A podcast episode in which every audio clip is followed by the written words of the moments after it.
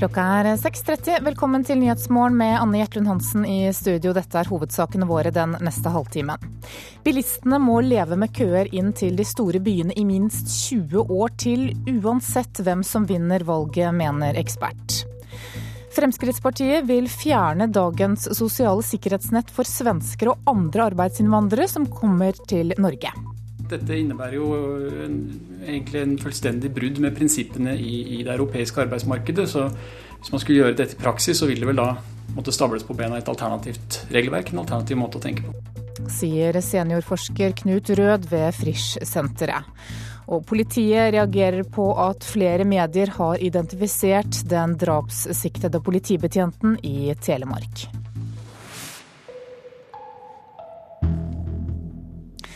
Aller først denne halvtimen skal vi høre at eh, bilkøene rundt de store byene ikke kommer til å forsvinne på 20-30 år, uansett hvilket parti som styrer Norge. Det sier avdelingsdirektør Jan Fredrik Lund i Statens vegvesen. Han sier at det ikke er lett å se for seg at bilkøene kan bli borte noensinne. Etter sommeren så har lyden av ventende biler igjen fylt veiene inn til hovedstaden.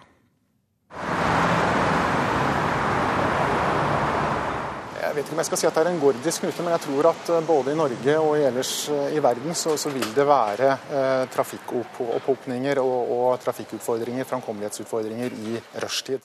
Planen er at trafikkveksten først og fremst skal skje i kollektivtrafikken, på sykkel og ved at folk skal ta beina fatt. Likevel vil det fremdeles være stor biltrafikk på veiene de neste 20-30 åra, sier Lund. Det vil fortsatt være næringstransport som vil, eh, vil øke, så vi, ha, vi, vil fortsatt ha utfordringer på, på framkommeligheten. NRK.no presenterer i dag de største veiutfordringene over hele landet. Der kan du se hvor problemer med smale veier, flaskehalser og generelt forfall er størst. Ifølge Vegvesenet vil det koste minst 500 milliarder kroner bare å fikse riksveiene, som utgjør en tidel av det totale veinettet. Med de enorme behovene og utfordringene som er der nå, så trenger vi et sted mellom 20 og 25 år, selv med det ambisiøse nivået som Fremskrittspartiet har lagt seg på. Selv om Frp og Bård Hoksrud skulle få gjennomslag for å løyve 455 milliarder kroner ekstra til samferdsel, vil ikke køene bli borte med det første. Vi trenger ti år på å bare ta igjen forfallet på riksveinettet. Vi trenger 15 år på å ta igjen forfallet på fylkesveinettet. Og da skjønner alle at her er enorme behov, e, e, enorme utfordringer. Og da trenger man eh, i hvert fall som sagt 20-25 år for å klare å ta igjen det, selv med nesten en dobling av det vi putter inn på infrastruktur de ti neste åra. Heller ingen andre parti tror det er realistisk å bli kvitt køene de neste 10-20 åra. Her er Ola Elvestuen fra Venstre. Det vil være kø i en by som Oslo, men det som er viktig er at vi skal lage gode alternativer for å stå i den køen. Det skal være enkelt å velge miljøvennlig og reise på en god og miljøvennlig måte. Fasiten er altså bilkøene blir værende lenge. Det stadfester også de som jobber med å lage veiene. Liv Kari Skudal Hansten i Rådgivende ingeniørers forening har ingen tro på at køene skal bli kortere med dagens nasjonale transportplan. Jeg tror du og folk flest ikke vil merke noe særlig bedring. Eh, vi ser vel ikke for oss at hvis vi fortsetter med denne NTP-en, at vi vil få noe bedring på 50 år frem i tid. Og denne reportasjen var laget av David Krekling, Katrine Hammerstad og Silje Sande. Forskningsleder Aud Tennøy ved Transportøkonomisk institutt, velkommen til Nyhetsmorgen. Ja, takk. Du, vi hørte uttrykket 'gordisk knute' bli nevnt i starten av innslaget her. Men hva mener du skal til for å få ned bilkøene på veiene rundt de store byene?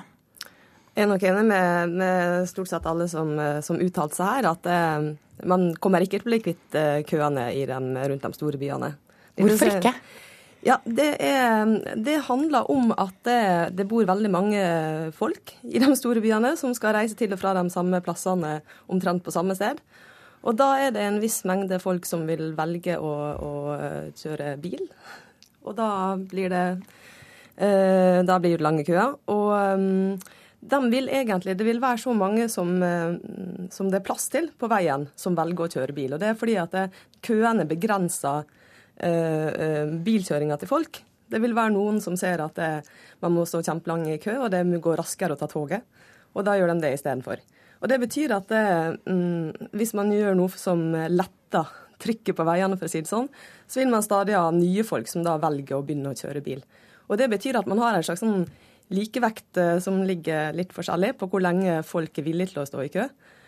Uh, og, og, Det betyr at det vil komme nye biler til hver gang, hver gang man får en lett i det. Og, det. og, sånn ser man rundt, rundt alle de store byene. F.eks. i Oslo så er det veldig store andeler av dem som reiser til jobb hver morgen, som ikke kjører bil. Og Det betyr at man har et, et veldig stort potensial for at det, nye folk kan begynne å kjøre bil, hvis det blir mer plass på veien. Og Så hører vi Venstre her si at vi må ha gode alternativer. Men hva er det egentlig da som skal til for å få folk til å velge sykkel eller T-bane hvis de er vant til å bruke bilen? Ja, det, altså det, det, man ser jo at folk faktisk eh, bytter mellom transportmidler, og at eh, eh, bilførere begynner å reise på andre måter og motsatt, hvis at forholdet ligger til rette for det. Men eh, altså, Ola Elvestuen er jo inne på at eh, man trenger, man må satse på kollektivtrafikken og gi et bedre kollektivtilbud. og Det er jo en, en viktig ting, og noe som man kan gjøre mye raskere enn å, å, å eh, bygge veier. Bygge vei i by er en vanskelig ting i seg sjøl. Har du eksempler på byer hvor det har fungert bra? At man har bygd vei og eh, Nei, At man har eh, bygd raskere ut kollektivtrafikken på bekostning av vei? Ja, eh, ja, på bekostning av vei. Man, man kan diskutere det. Men Trondheim har jo kjørt eh, miljøpakken i Trondheim nå. Og blant de tingene de har gjort litt samtidig, det er at de har gjeninnført bomringen, som de hadde fjerna.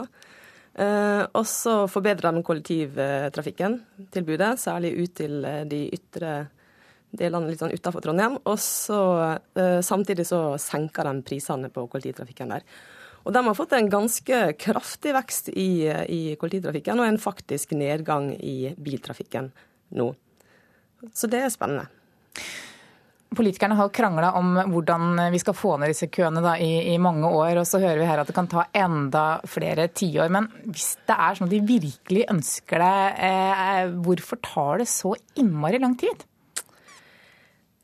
Som, som, de sier, og som jeg sier, så blir man ikke kvitt køene. Man blir ikke kvitt dem. De kommer alltid til å være der. Uh, men um, det vi vet, er jo at det, uh, hvordan vi bygger byen, det, det, spiller jo veldig stor rolle for hvilke valgmuligheter folk har. Altså om de da må stå i den bilkøen, eller om de kan la være. Og byplanleggerne de, de, og fagfolka på det her vet jo eh, hva som liksom er oppskriften da, for, å, for å bygge byer på måter som gjør at det, man får mindre biltrafikk, og at færre trenger å stå i kø. Og Det handler jo veldig mye om arealutvikling. Det handler om at man eh, må fortette byene, at man må bygge nye både boliger, eh, arbeidsplasser og handel Eh, sentralt, og i områder der det er logisk å bruke kollektiv, gang og, sykkel, eh, gang og sykkel, og der det er lett å komme seg dit. Eh, F.eks. på arbeidsreiser så vet vi at det, de som reiser til og fra Oslo sentrum, der er det 10% som bruker bil. Mens når du er ute i de ytre delene av Oslo, så er det oppe i 65% som kjører bil. Og når du kommer ut i Akershus, så er det enda høyere bilandeler. Og dette er folk som reiser til plasser der det av flere grunner er trøblete å, å bruke kollektiv eller gang eller sykkel. Takk for at du kom til Nyhetsmorgen, forskningsleder Aud Tennøy ved Transportøkonomisk institutt. Israel bomber mål sør i Libanon. I går så ble fire raketter avfyrt fra Libanon mot Israel, og nå svarer Israel tilbake. Libanesiske sikkerhetskilder sier at det ikke er kjent hvem som avfyrte de rakettene i går, men en Al Qaida-tilknyttet gruppe har tatt på seg ansvaret. Ingen ble skadd i angrepene i går. En person er savnet etter en boligbrann i Kornsjø i Halden i Østfold i natt. Eneboligen var overtent da brannvesenet kom til stedet, men nå er brannen slukket, sier operasjonsleder Jon Erik Nygaard ved Østfold politidistrikt. Nå driver brannvesenet med å kjøle ned eh, branntomta. Utover formiddagen i dag så vil vi gjøre et forsøk på å gå gjennom eh, brannstedet. Vi har ikke noe eh, konkret, eh, men vi frykter at han eh, kan være i huset. Og det er ikke kjent hva som forårsaket brannen. Fremskrittspartiet vil fjerne dagens sosiale sikkerhetsnett for svensker og andre arbeidsinnvandrere som jobber i Norge. Da blir det færre svensker som kommer til Norge for å jobbe, det tror Louisa Algren, som jobber på en kafé på Majorstua. Hun synes ikke noe om forslaget fra Frp. Det syns jeg er veldig feil. For at vi alle skal ha samme rettigheter. Louisa Algren kom til Norge for ett år siden for å tjene penger. Samtidig fikk hun etter EØS-reglene de samme trygderettighetene som andre norske arbeidstakere. Hvis hun f.eks. skulle bli sjuk.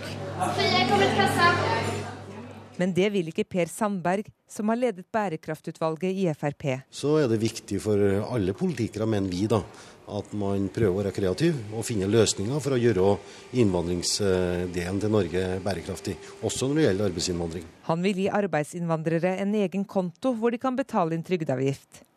Hvis den blir tom, må vedkommende forlate Norge. Først etter ti år kan de søke om norsk statsborgerskap og få de samme rettighetene som nordmenn flest. Seniorforsker Knut Rød ved Frisch-senteret mener FrPs forslag ikke er gjennomførbart pga. EØS-avtalen. Det er jo i praksis å fjerne i hvert fall sikkerhetsnettet ved ankomst til et, eh, et, et nytt land. Men som sagt, dette innebærer jo en, egentlig en fullstendig brudd med prinsippene i, i, det europeiske arbeidsmarkedet. Så hvis man skulle gjøre dette i praksis, så ville det vel da måtte stables på bena et alternativt regelverk, en alternativ måte å tenke på. I så fall vil Per Sandberg reforhandle avtalen. Vi vil gjerne gå inn og se på handlingsrommet i EØS-avtalen. Hvis det ikke er noe handlingsrom i dag, så må vi reforhandle deler, deler av, av EØS-avtalen. Og i verste fall, hvis ikke vi greier å reforhandle og gjøre noe med EØS-avtalen, eh, som gir så negative konsekvenser for norsk økonomi, så må vi vurdere å si opp EØS-avtalen. Det er det partiet Fremskrittspartiet har lagt seg på. Titusener av svensker kommer hvert år til Norge for å arbeide. I tillegg kommer personer fra EU-området ellers. På United Bakeries er halvparten av de bak disken svensker. Algren tror det blir færre av dem om Frp får det som de vil. Eh, det tror jeg virkelig det blir. Reporter her det var Maria Hasselgaard og Katrin Hellesnes. Skal vi ta en kikk på dagens aviser og se hva de har på forsidene sine i dag. Barnetrygd til stadig flere seniorer er overskriften i Aftenposten. I løpet av det siste tiåret så har antall mottakere av barnetrygd økt med over 22 000. Vårt Land forteller at Fremskrittspartiet vil avvikle tilskuddsordningen til tros- og livssynssamfunn, og mener dette kan være med på å bremse innvandringen. Meningsløst og krenkende, mener Dag Nygaard i Norges kristne råd. Klassekampen skriver at flertallet av velgerne tror en blå regjering vil endre sykelønnsordningen, svekke reglene i arbeidslivet og gi LO mindre makt. Dagbladet har et stort bilde av Jens Stoltenberg på sin forside. Overskriften er 'Ekspertene er enige, derfor er slaget tapt'. Helseministeren angriper Fremskrittspartiets menneskesyn i Dagsavisen i dag, og sier at Høyre er første konservative parti i Europa som vil regjere med et høyrepopulistisk parti. Støre mener Fremskrittspartiet har fellestrekk med kontroversielle partier som Sverigedemokraterna, Sannfinnene og Dansk Folkeparti. Redder verden på businessklasse er oppslaget i Adresseavisen. Ifølge avisen så sitter skattepengene løst når miljøvernminister Bård Vegar Solhjell og andre miljøkrigere reiser på klimamøter. Mens Finansavisen skriver at eierne av solenergiselskapet RSC drukner i formuesskatt. At eierne har betalt mer i formuesskatt enn det aksjen er verdt i øyeblikket. Nasjonen forteller at alle de tolv ulvene som er funnet døde i Norge i år, kommer fra Sverige eller fra reserverevirer. Senterpartiets Erling Sande mener dette viser at vi trenger en sterkere fellesnordisk forvaltning av rovdyr. Hurtigmatkjeden McDonald's er presset til å legge ned tre av sine fem mest sentrale restauranter i Oslo. Det skriver Dagens Næringsliv i dag. Søppel, lukt og misfornøyde naboer gjør hamburgerkjeden til en upopulær leietaker. Og VG tilbyr krisehjelp for deg som er blakk etter ferien.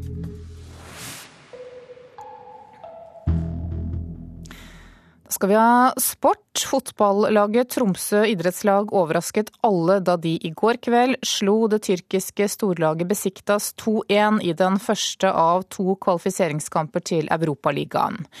Nå mener gårsdagens målskårere at sjansene er store for å sikre seg avansement til gruppespillet i den gjeve turneringen.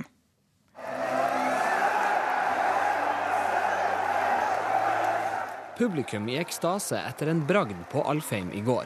TIL klarte nemlig det få hadde trodd på forhånd, nemlig å slå det tyrkiske storlaget Besjiktas 2-1 på hjemmebane i den første av to kvalifiseringskamper til Europa League. Det, det, er fantastisk. Det er, det. det er utrolig artig. og det, det, er ingen tvil om at det pusher oss videre noen hakk. Det sier Thomas Kind Bendiksen, som måtte se Besjiktas ta ledelsen ved stjernespiss Hugo Almeida etter bare åtte minutter i går. Men like etter sidebyttet ga Bendiksen TIL et håp med en vakker straffeskåring. Den, eh, den satt sånn som den skulle. Eh, klart Det, det er en stor anledning, og da, da, er det bare å gå for gull. Det var fantastisk å se, å se den gå i mål, selvfølgelig. Det var, det var stort. Straffeskåringa tente TIL, som ga alt, og fikk betalt for strevet da midtbanespiller Josh Pritchard skåra det avgjørende 2-1-målet 20 minutter før slutt. Og waliseren var henrykt over karrierens første TIL-mål.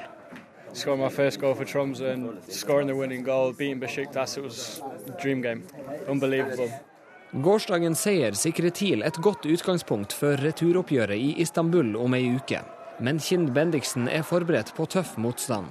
Besiktas er fortsatt favoritter, i hvert fall sett utad. Men, eh, men, jeg har, har alltid hatt trua. Jeg syns spillergruppa er god nok. og um, Jeg føler at vi kan reise ned dit og med en uh, heroisk prestasjon så kan vi klare en uavgjort og gå videre. Reporter var Martin Hotvedt. Friluftsutstyr til barn er populært. I Stavanger så selger de store sportsvarehusene på Forus mer og mer utstyr til nettopp barna. En av sportskjedene der har økt omsetningen av villmarksutstyr med 30% siden i fjor, og mye av dette skyldes økt salg av utstyr til ungene. Vi har fire barn. Vi har hatt dem med på tur siden vi bar dem i bæremeis. Det sier Inger Karin Natlandsmyr. For hun og mannen var det viktig å få ungene til å like å være ute i naturen. Og stadig flere mener det samme. Det sier Gøran Helland ved XXL på Forus. Flere og flere foreldre som tar med seg ungene. De er veldig flinke til det. Kommer ofte og spør om det. Hva vi anbefaler av eh, soveposer og, og liggeunderlag og telt og sånne ting. For nå skal de ut med ungene. De skal ikke på en lang tur, men de skal på en kort tur, og de trenger utstyr som holder. Helland sier at omsetningen til varehuset har økt som følge av at flere og flere foreldre tar med ungene på tur. Spesielt på XXL har jo økt omsetningen vår de siste årene. Det er pga. at vi har så stort utvalg, så de fleste kommer jo til oss. Så vi merker det jo best da. Naturen er jo en stor lekeplass. Det er jo den beste lekeplassen, sånn sett. Men, men ungene våre er jo akkurat som alle andre. De er jo påvirka av, av sånn som tiden er i dag. Det er veldig mye skjermaktiviteter når de er hjemme. Så, så derfor er det jo ja, ekstra viktig i dag. Reporter her, det var Frank Bremnes. Du hører på Nyhetsmorgen i NRK P2 og Alltid nyheter. Klokka er 6.48. Dette er hovedsaker i nyhetene i dag. Bilistene må leve med køer inn til de store byene i minst 20 år til, uansett hvem som vinner valget, mener eksperter. En person er savnet etter en boligbrann i Kornsjø i Halden i natt. Og politiet reagerer på at flere medier har identifisert den drapssiktede politibetjenten i Telemark.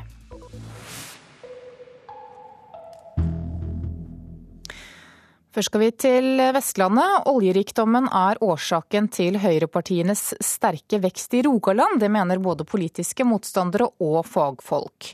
For første gang kan Høyre og Fremskrittspartiet få en samlet oppslutning i fylket på over 50% ved et stortingsvalg. Klokken er knapt sju om morgenen, men det er allerede hektisk aktivitet i Høyres hus i Stavanger. Vi møter folk på vei til jobb og spør om de vil ha en bolle fra Høyre. Og så er det en brosjyre oppi der. Leder i Stavanger Høyre Odd Jo Forsell er bare én av mange frivillige denne morgenen.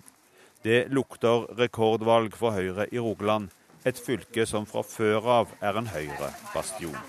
Jeg tror det har noe med at det er en gründerånd i Rogaland, at det er et næringsfylke, og at det dermed er det ofte mer oppslutninger om de tradisjonelle næringspartiene, sånn som f.eks. Høyre. I tillegg så, så, har vel eh, Rogaland Høyre tradisjonelt vært eh, litt mer lyseblått eller sentrumsorientert, og dermed litt mer bredere nedslagsfelt, mer folkelig appell. Sier Forsell om årsaken til at høyresiden står så sterkt i oljefylket Rogaland. Den forklaringen er det ikke alle som kjøper. Rogaland er jo på en måte lite Norge i miniatyr. bare at Pga. oljeformuen så ligger vi ti år framfor alle andre. Sier mangeårig kommunepolitiker i Stavanger, Bjarne Kvatsheim fra Senterpartiet. Den høyrebølgen som liksom har vært i Rogaland lenge, slår nå inn over resten av vestlandsfylkene og Sørlandet og opp gjennom Nord-Norge. Det er jo oljerikdommen som gjør det. Og folk på en måte vil kunne kjøpe og kjøpe seg fram i sykehjemskøene på sykehuset, privatskoler så de vil ha den friheten som det pengene er. Til neste år så kan du bare ta med deg ei kanne. Oljeletingen i den norske delen av Nordsjøen skal nå begynne. I disse dager foretas de første oljeboringsoperasjoner. På ekk og fisk, det skjønner han seg på. I 1977, få år etter at oljeeventyret begynte å prege fylket, så Rogaland Høyre for første gang 20-tallet i et stortingsvalg. Over 40% av velgerne i oljefylket har siden 2001 stemt Høyre og Fremskrittspartiet. I år kan de to partiene passere 50% Tidligere finansminister Gunnar Berge fra Arbeiderpartiet er ikke tvil om årsaken. De såkalte sosioøkonomiske forhold de har stor innflytelse på eh, folks partivalg. Høyre har jo tradisjonelt sett eh, stått veldig sterkt i rike kommuner.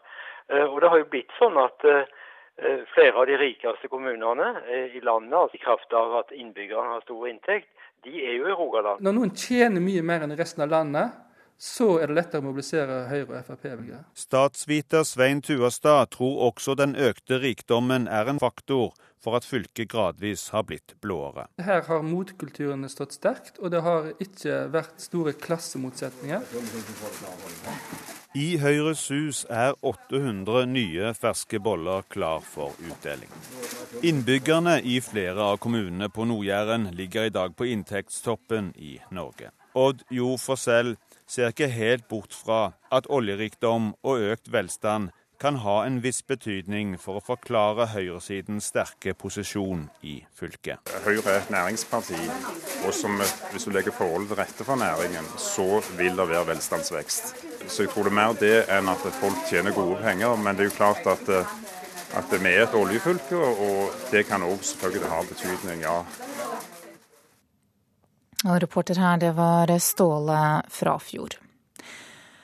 Både VG og TV 2 har identifisert politimannen som er siktet for å ha drept en 33 år gammel kvinne i Telemark. Politiets Fellesforbund ber mediene om å være mer forsiktige med å identifisere siktede i drapssaker. Det sier informasjonssjef Gry Jorunn Holmen. Politiets Fellesforbund mener at det er negativt. og Det har ingen sammenheng med at det i dette tilfellet er snakk om en politibetjent. Men vi mener at det er et godt prinsipp i det norske rettssystemet at man ikke mm, identifiseres eh, før man eventuelt da er dømt i en sak. Det er noe med at man er uskyldig inntil det motsatte er bevist, og det syns vi gjelder i alle saker. Uansett om det er en politimann eller en snekker eller en IT-konsulent for den saks skyld. Det sier informasjonssjef i Politiets Fellesforbund, Gry Jorunn Holmen.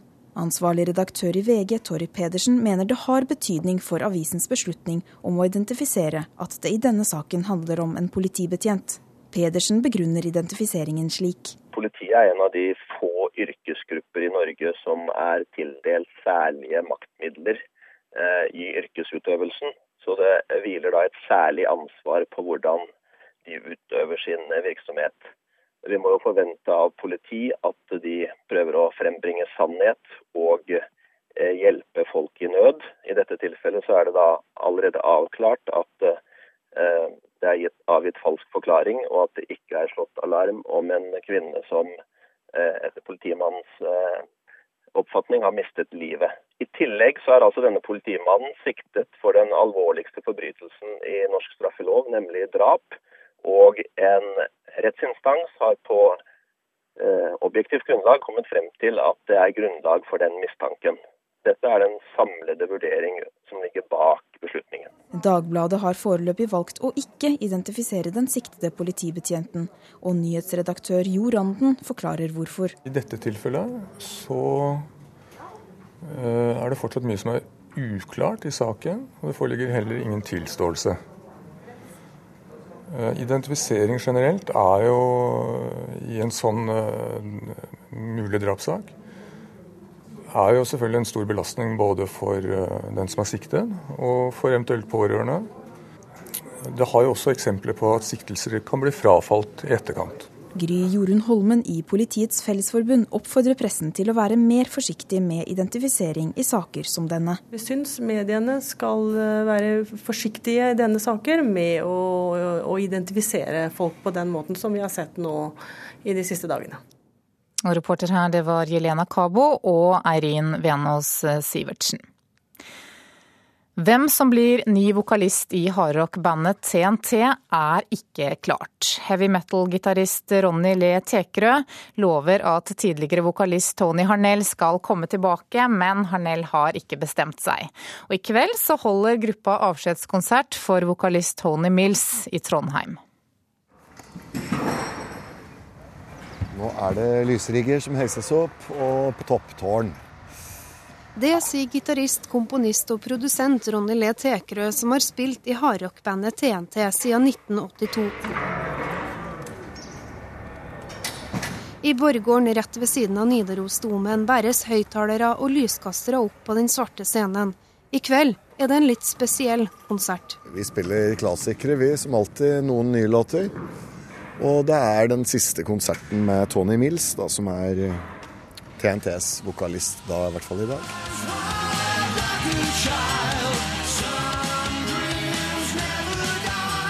Tony Mills kom inn som vokalist i 2007, og har nå valgt å forlate bandet.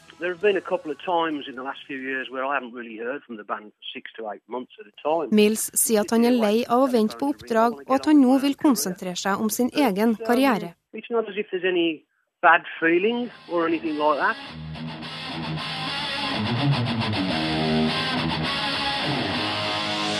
TNT ble født tidlig på 80-tallet, og det tok ikke lang tid før Tony Harnell fra USA ble bandets frontfigur. I 1987 kom hitsingen 10,000 Lovers', som bidro til TNTs store gjennombrudd.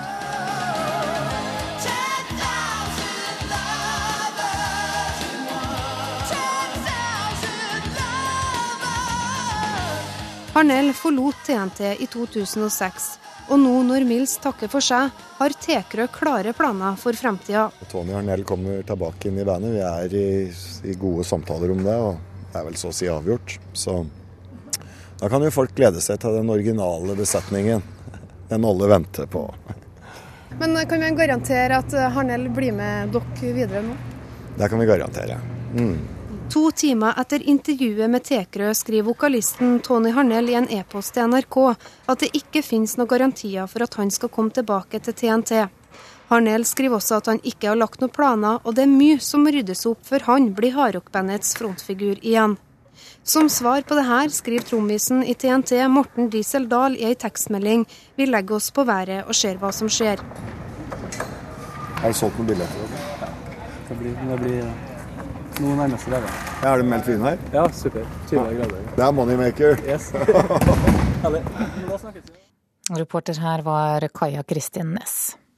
Nå skal vi se på et værvarsel som gjelder til midnatt. Østlandet og fjellet i Sør-Norge kan vente seg stort sett pent vær i dag. Telemark og Agder opphold og perioder med sol. Fra i ettermiddag kan den hende litt regn i indre strøk. Vestlandet sør for Stad og Møre og Romsdal og Trøndelag stort sett pent vær. Helgeland og Saltfjellet en del skyer først på dagen, ellers for det meste pent vær. Salten, Ofoten og Lofoten litt regn, i kveld dreining til sørøstlig bris og pent vær. Vesterålen og Troms periodevis liten kuling på kysten, perioder med regn og i kveld opphold. Kyst- og fjordstrøkene i Vest-Finnmark vestlig liten kuling utsatte steder, i kveld stiv kuling og perioder med regn. Finnmarksvidda vestlig opp til frisk bris, litt regn og i kveld opphold.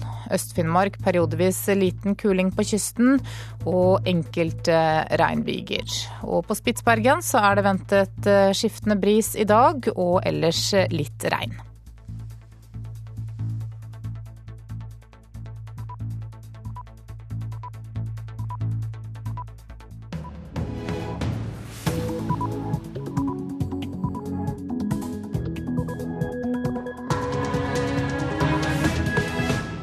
Klokka er sju. Du lytter til Nyhetsmorgen med Anne Jetlund Hansen i studio. Her er en nyhetsoppdatering. Det bør komme innstramminger i velferdsordninger som sykelønn og uføretrygd. Det mener over halvparten av de spurte i en undersøkelse fra Fafo. Mange vil ha slutt på misbruk av ordninger. Tror kanskje det er litt eh, for lett å få uføretrygd eh, og andre sånne støtteordninger, iallfall. Jeg tror det at folk eh, de trenger et lite dytt i ryggen for å gjøre noe. Det som er ulempen, det er at svært mange er direkte misbrukere. Og det er grunn til å stramme inn. Absolutt. Bilistene må regne med køer inn til de store byene i flere tiår, uansett hvem som vinner valget. Også Fremskrittspartiets Bård Hoksrud innser at det kommer til å ta lang tid selv med store bevilgninger med de enorme behova og utfordringene som er der nå, så trenger vi et sted mellom 20 og 25 år. Og bruk av kjemiske våpen i Syria ville være en forbrytelse mot menneskeheten. Det sier FNs generalsekretær.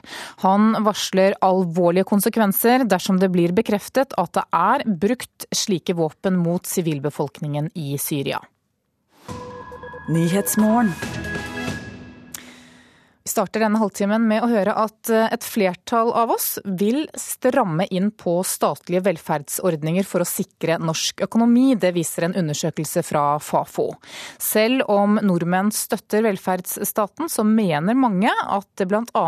er behov for reformer for å få flere ut i jobb. Jeg tror kanskje det er litt eh, for lett å få uføretrygd eh, og andre sånne støtteordninger, iallfall.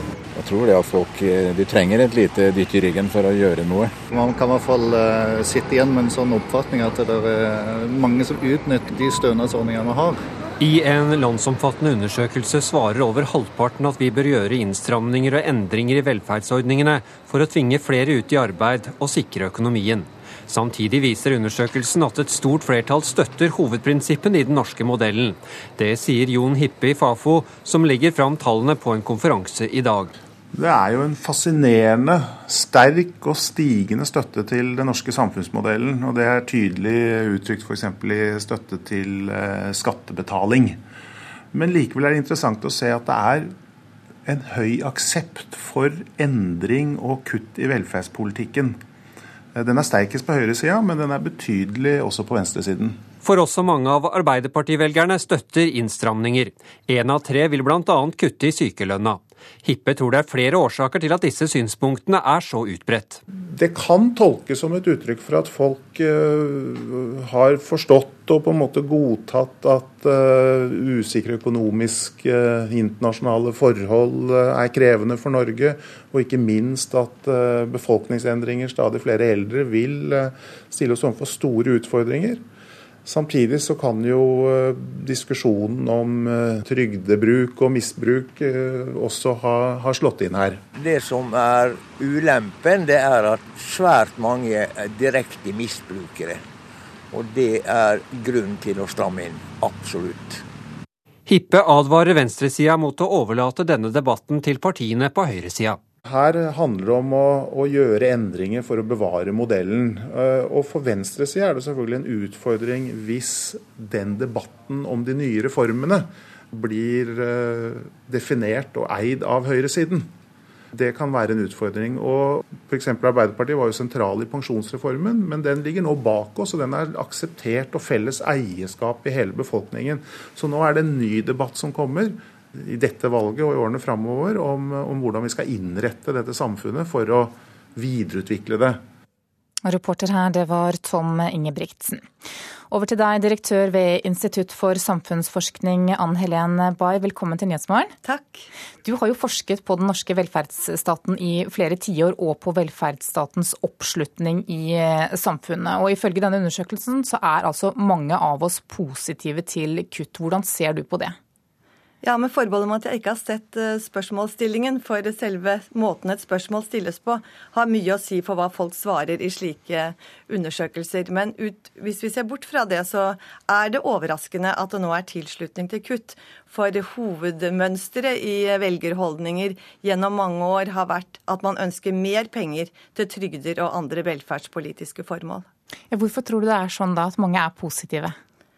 Nei, altså Det kan jo være, som Jon Hippe sier, at eh, det har eh, sunket inn en kriseforståelse ut fra hvordan eh, Europa sin økonomi er for tiden. Det kan også være, som Jon sier, at fokus på misbruk har slått inn i vurderingene folk har gjort seg når de har fått dette spørsmålet. For all forskning viser at er det noe som svekker oppslutningen om en velferdsytelse, så er det mistanke om misbruk. Og så er det mange som sier ja til å kutte i, i akkurat sykelønnsordningen. Hvorfor tror du det? Ja, Den har det jo vært mye oppmerksomhet på ved at vi har et veldig høyt sykefravær i Norge. Det er også slik at får man en misbruksdebatt, så kan det føre til at oppslutningen svekkes. Det er, det er, en, er mulige forklaringer. Nå er det også det å si at selv om mange her slutter seg til kutt i ytelser, så er det ikke noe automatikk mellom befolkningens holdninger og hva Stortinget gjør. For beslutninger om særlig sykelønn foregår i stor grad i forhandlinger mellom partene i arbeidslivet, dvs. Si NHO og arbeidstakerorganisasjonene og staten. Og de er imot kutt i sykelønn og har sterk sanksjonsmulighet i, i denne saken. Hva slags konsekvenser kommer slike kutt til å få, f.eks. når det gjelder sykelønnsordning? Ja, altså En konsekvens av å kutte i sykelønnsordningen kan nok være at syke, at fraværet går ned. For eh, det er et konsistent funn i forskningen at lavere ytelser fører til eh, lavere sykefravær. Eh, så vil også det være slik at de som er helt avhengig av sykelønnen, som er så syke at de ikke kan gå på arbeid, de vil jo måtte betale prisen for dette. Men så må vi også tenke hva skal være alternativet. Og i dag så er det en politikk som går på at vi har bl.a. en avtale om inkluderende arbeidsliv, som innebærer en tett oppfølging av sykemeldte og av deres arbeidsgivere. Og denne ordningen har jo medført et sterkt kontrollregime som det er rart at får lov til å fortsette. Takk for at du kom til Nyhetsmorgen, direktør Ann Helen Bay ved Institutt for samfunnsforskning. Det er helt avgjørende at FN-inspektørene slipper til slik at de finner ut hvem som står bak de siste angrepene i Syria. Det sier statsminister Jens Stoltenberg. I dag gir regjeringen 350 millioner kroner til humanitær krisehjelp, og det aller meste er øremerket nettopp Syria. De hjerteskjærende videoene som viser døde barn, endeløse rekker av lik, familier og sivile syrere som etter all sannsynlighet er drept med nervegass. Ingen som har sett disse bildene, er uberørt. Jeg tenkte at en grusom konflikt nå hadde blitt enda mer grusom. Eh, nær ufattelig eh, voldsbruk. Eh, det er et uttrykk for at dette er en av de mest alvorlige konflikter verden har sett på mange, mange år. Det understreker viktigheten av at FNs inspektører nå slipper til, får garantert adgang til områdene for å finne ut av hva som faktisk har skjedd og at man får avdekket hvem som er ansvarlig. Sier statsminister Jens Stoltenberg.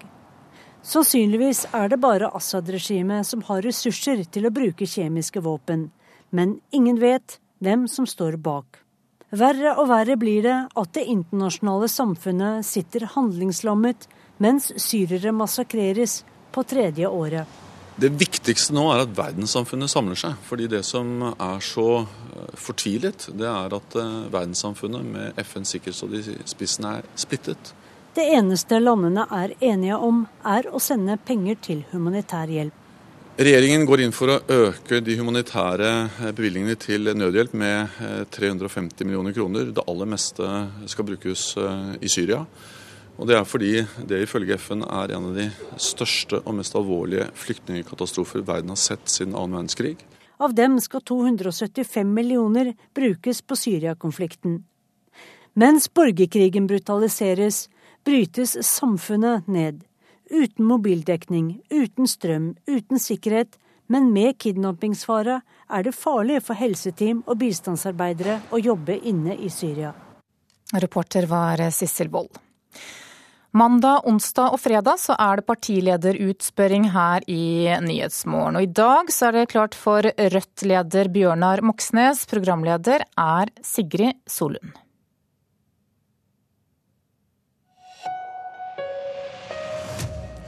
Velkommen til utspørring, Bjørnar Moxnes, leder i Rødt. Takk for det, og god morgen. God morgen. Seksuell utfoldelse og glede preger programmet deres, og Rødt vil bekjempe puritanisme, tabuer og moralisme i debatten om seksualitet. Hvordan mener du det preger debatten i dag? Nei, altså Det er jo den klassiske motsetninga som ofte strekes opp da, mellom Madonna og, og, hore, som jo også ligger til grunn for pornoindustrien. Og Det vi ønsker, det er jo bl.a. å få en mye bedre seksualopplæring. I skolen i dag er jo faktum at at seksualundervisninga for de aller fleste består i, i, i, porno fra internett. Og vi tror at det, er, at det er bra å ruste opp seksualundervisninga, og kanskje også få inn folk i skolen som ikke bare er lærere, men andre som er unge voksne som har tatt kurs, som også kan eh, snakke om disse tingene med, eh, med ungdom. Utover det, da, hvordan preger det debatten? Nei, jeg syns jo at, eh, at, hele diskusjonen om seksuell trakassering, også etter hvert diskusjonen om, om voldtekt, til tider bærer preg av et syn på eh, både eh, kvinnen sitt ansvar, som hun jo ikke har for disse handlingene, og at det også mangler en, en forståelse av hvem som har ansvaret for, for trakasseringen. Så etter vårt syn så tror jeg det vil være lettere å få gjort noe med det her hvis vi også får inn en bedre undervisning i skolen. At man får snakke om disse tingene når også folk er ungdom og blir og er formbare. Hvordan skal politikerne bidra til seksuell utfoldelse og glede, eller hvorfor er det politikernes oppgave? Jeg tror ikke vi skal direkte bidra til seksuell utfoldelse. Men jeg tror at politikere både kan og bør gjøre veldig mye for at det blir lettere for ungdom å snakke om både det som er vanskelig og det som er, og det som er fint. og i dag er det nok mange som syns at, at seksualundervisninga i skolen er, er rimelig mangelfull. Jeg har selv vært rundt på skoler og holdt kurs for, for gutter i regi av kampanjen Sett grenser. Eh, der hadde vi da menn som var kursholdere for gutter, og, og, kvinner holdt kurs for, for jenter. og Da måtte vi få snakka om tingene på som jeg tror også kunne bevisstgjøre mange på grensesetting. Eh, på det å kunne si nei og det å stå for det, men også kunne si ja når man har lyst eh, til det. Men presset på ungdom i dag er nok ganske mye større enn det var bare for 20-30 år siden. Dere vil altså ha bort moralismen, som du sier, samtidig forby porno. Hvordan henger det sammen? Nei, altså Etter vårt syn så handler ikke eh, porno om seksuell eh, frigjøring. Eh, pornoen som eh, ungdom i dag eh, får lett tilgang til gjennom, gjennom internett, handler mye om kvinneundertrykkelse og et ganske gammeldags syn på, på kjønnsroll, for å si det forsiktig. Så Eh, vi tror ikke at det er en motsetning mellom, eh, mellom, det å bekjempe moralisme og det å bekjempe eh, porno. Det er to sider av samme sak. Det kanskje, det var kanskje, kanskje frigjørende med erotiske noveller i Dagbladet på 50-tallet, men altså, vi er ikke der i dag. I dag er vi i en situasjon hvor, hvor hardporno flyter fritt, også inn, inn på rommene til, til, barn og ungdom. Og da er det det som er utfordringa, ikke at det er for lite seksualitet i dagens samfunn. Men dere presiserer også at denne loven må håndheves. Hvordan skal det skje? Altså loven Mot porno? Nei, altså Vi mener jo at man, eh, man, må slå ned på ulovlig eh, distribusjon eh, av, av porno. Og vi mener jo også at, at selve porno, men... pornoindustrien i seg selv er skadelig for, for, de som deltar i den. Så vi ønsker jo at dette her skal håndheves bedre enn det gjøres i dag. Og, og Utfordringen er ikke at det er for lite tilgjengelig porno, det er kanskje mer å, å, å få til at, at man får andre kilder til informasjon enn bare eh, pornoen. Likestilling er viktig for dere, men likestilling er ikke nok, skriver dere i programmet. Hva mener du med det? Det er jo da det vi tenker på med kvinnefrigjøring. Vi mener ikke at det, at det holder f.eks. at vi har eh, like mange eh, kvinner som menn i styrerommene, som er et klassisk likestillingspolitisk tiltak. Vi mener at vi samtidig eh, trenger eh, andre tiltak. Det handler f.eks. om et så stort felt eh, som kvinnelønna. Der er det nå store mangler. Vi har fått utreda en likelønnspott av regjeringa. De har ikke innført den, selv om den er ferdig utreda. Det vil løfte hundretusener av lavtlønte kvinner opp til et helt annet lønnsnivå. Det handler om, om, kvinnefrigjøring, og det handler også om å anerkjenne kvinners arbeid eh, på lik linje med menn. og Det gjøres ikke i Norge i dag, og det er et stort eh, problem i forhold til eh, kvinnefrigjøring. Dere skriver også at kapitalismen er avhengig av kvinners underordning i familie- og arbeidslivet. Hvordan belegger du det? Det handler jo om at, at de, de, rikeste er tjent med å kunne ha en, en lavtlønt klasse av kvinner, både i, i privat og offentlig sektor. Og at vi også ser at de som først merker konsekvensene når man privatiserer velferdstjenester og lar, og lar kapitalen få, få, råde, er jo nettopp kvinner i lavlønnsyrker som får enda dårligere eh, vilkår. Så det å sørge for en sterk offentlig sektor er jo et av, en av måtene å hindre at også kapitalkreftene får svekka kvinners arbeids- og levevilkår. Men f.eks. NHO vil jo beholde pappakvoten som den er i dag, mens dere vil eh, ta to uker vekk fra den. Hvorfor vil dere det? Nei, Vi ønsker å dele den uh, likere. Vi ser jo til, uh, til, Island. Vi er sterke forsvarere av pappakvoten. Vi tror det er en, en bra ordning. Hvorfor tar dere da bort to uker?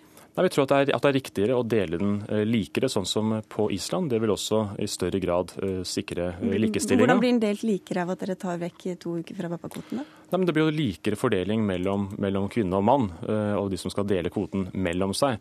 Vi ønsker jo en tredeling av permisjonen, det er jo det vi går inn for, sånn som de har gjort det på, på Island. og det tror vi har også gode effekter i Norge. og det har også vist men, seg men, å være en... Men mye større frivillig del, da? Ja, så det blir da en tredeling av den totale permisjonen. Som det er i dag. Klimapolitikk er et av de viktigste områdene for Rødt, og dere har ambisiøse mål for å kutte norske klimagassutslipp. Men dere skriver at alle kuttene vi har forpliktet oss til skal tas i Norge. Hvorfor det? Nei, Vi at Norge har et uh, stort ansvar som en storeksportør av klimagassutslipp, uh, som vi jo er i dag. Vi er ikke imot tiltak ute, men vi er for å ta tiltak eh, også hjemme. Og hvis ikke et av verdens rikeste eh, land gjør det, så hvem skal da ellers ta eh, kuttiltak hjemme? Og vi har jo da lagd en, en plan i samarbeid med både miljø og fagbevegelsen som både handler om å skape nye grønne industriarbeidsplasser, men også om å klare å, å ta kuttene innenlands. Så vi, vi mener at det er viktig for Norge som nasjon å ta det det ansvaret hjemme også. Og En del av det er altså å gå vekk fra EUs eh, kvotehandelssystem. Hvorfor vil dere ha Norge ut av det? Nei, fordi denne Kvotehandelen eh, viser seg ikke fungere spesielt godt. Eh, det er jo et system som nesten brukes mest som en, eh, som en, bortforklaring for ikke å ta uh, kutt eh, hjemme. og vi ønsker at vi Men hvis kvotene nå blir færre og det begynner å fungere, da er dere for det da? Ja, men Da får vi vurdere det. Men i dag fungerer det jo ikke på den måten.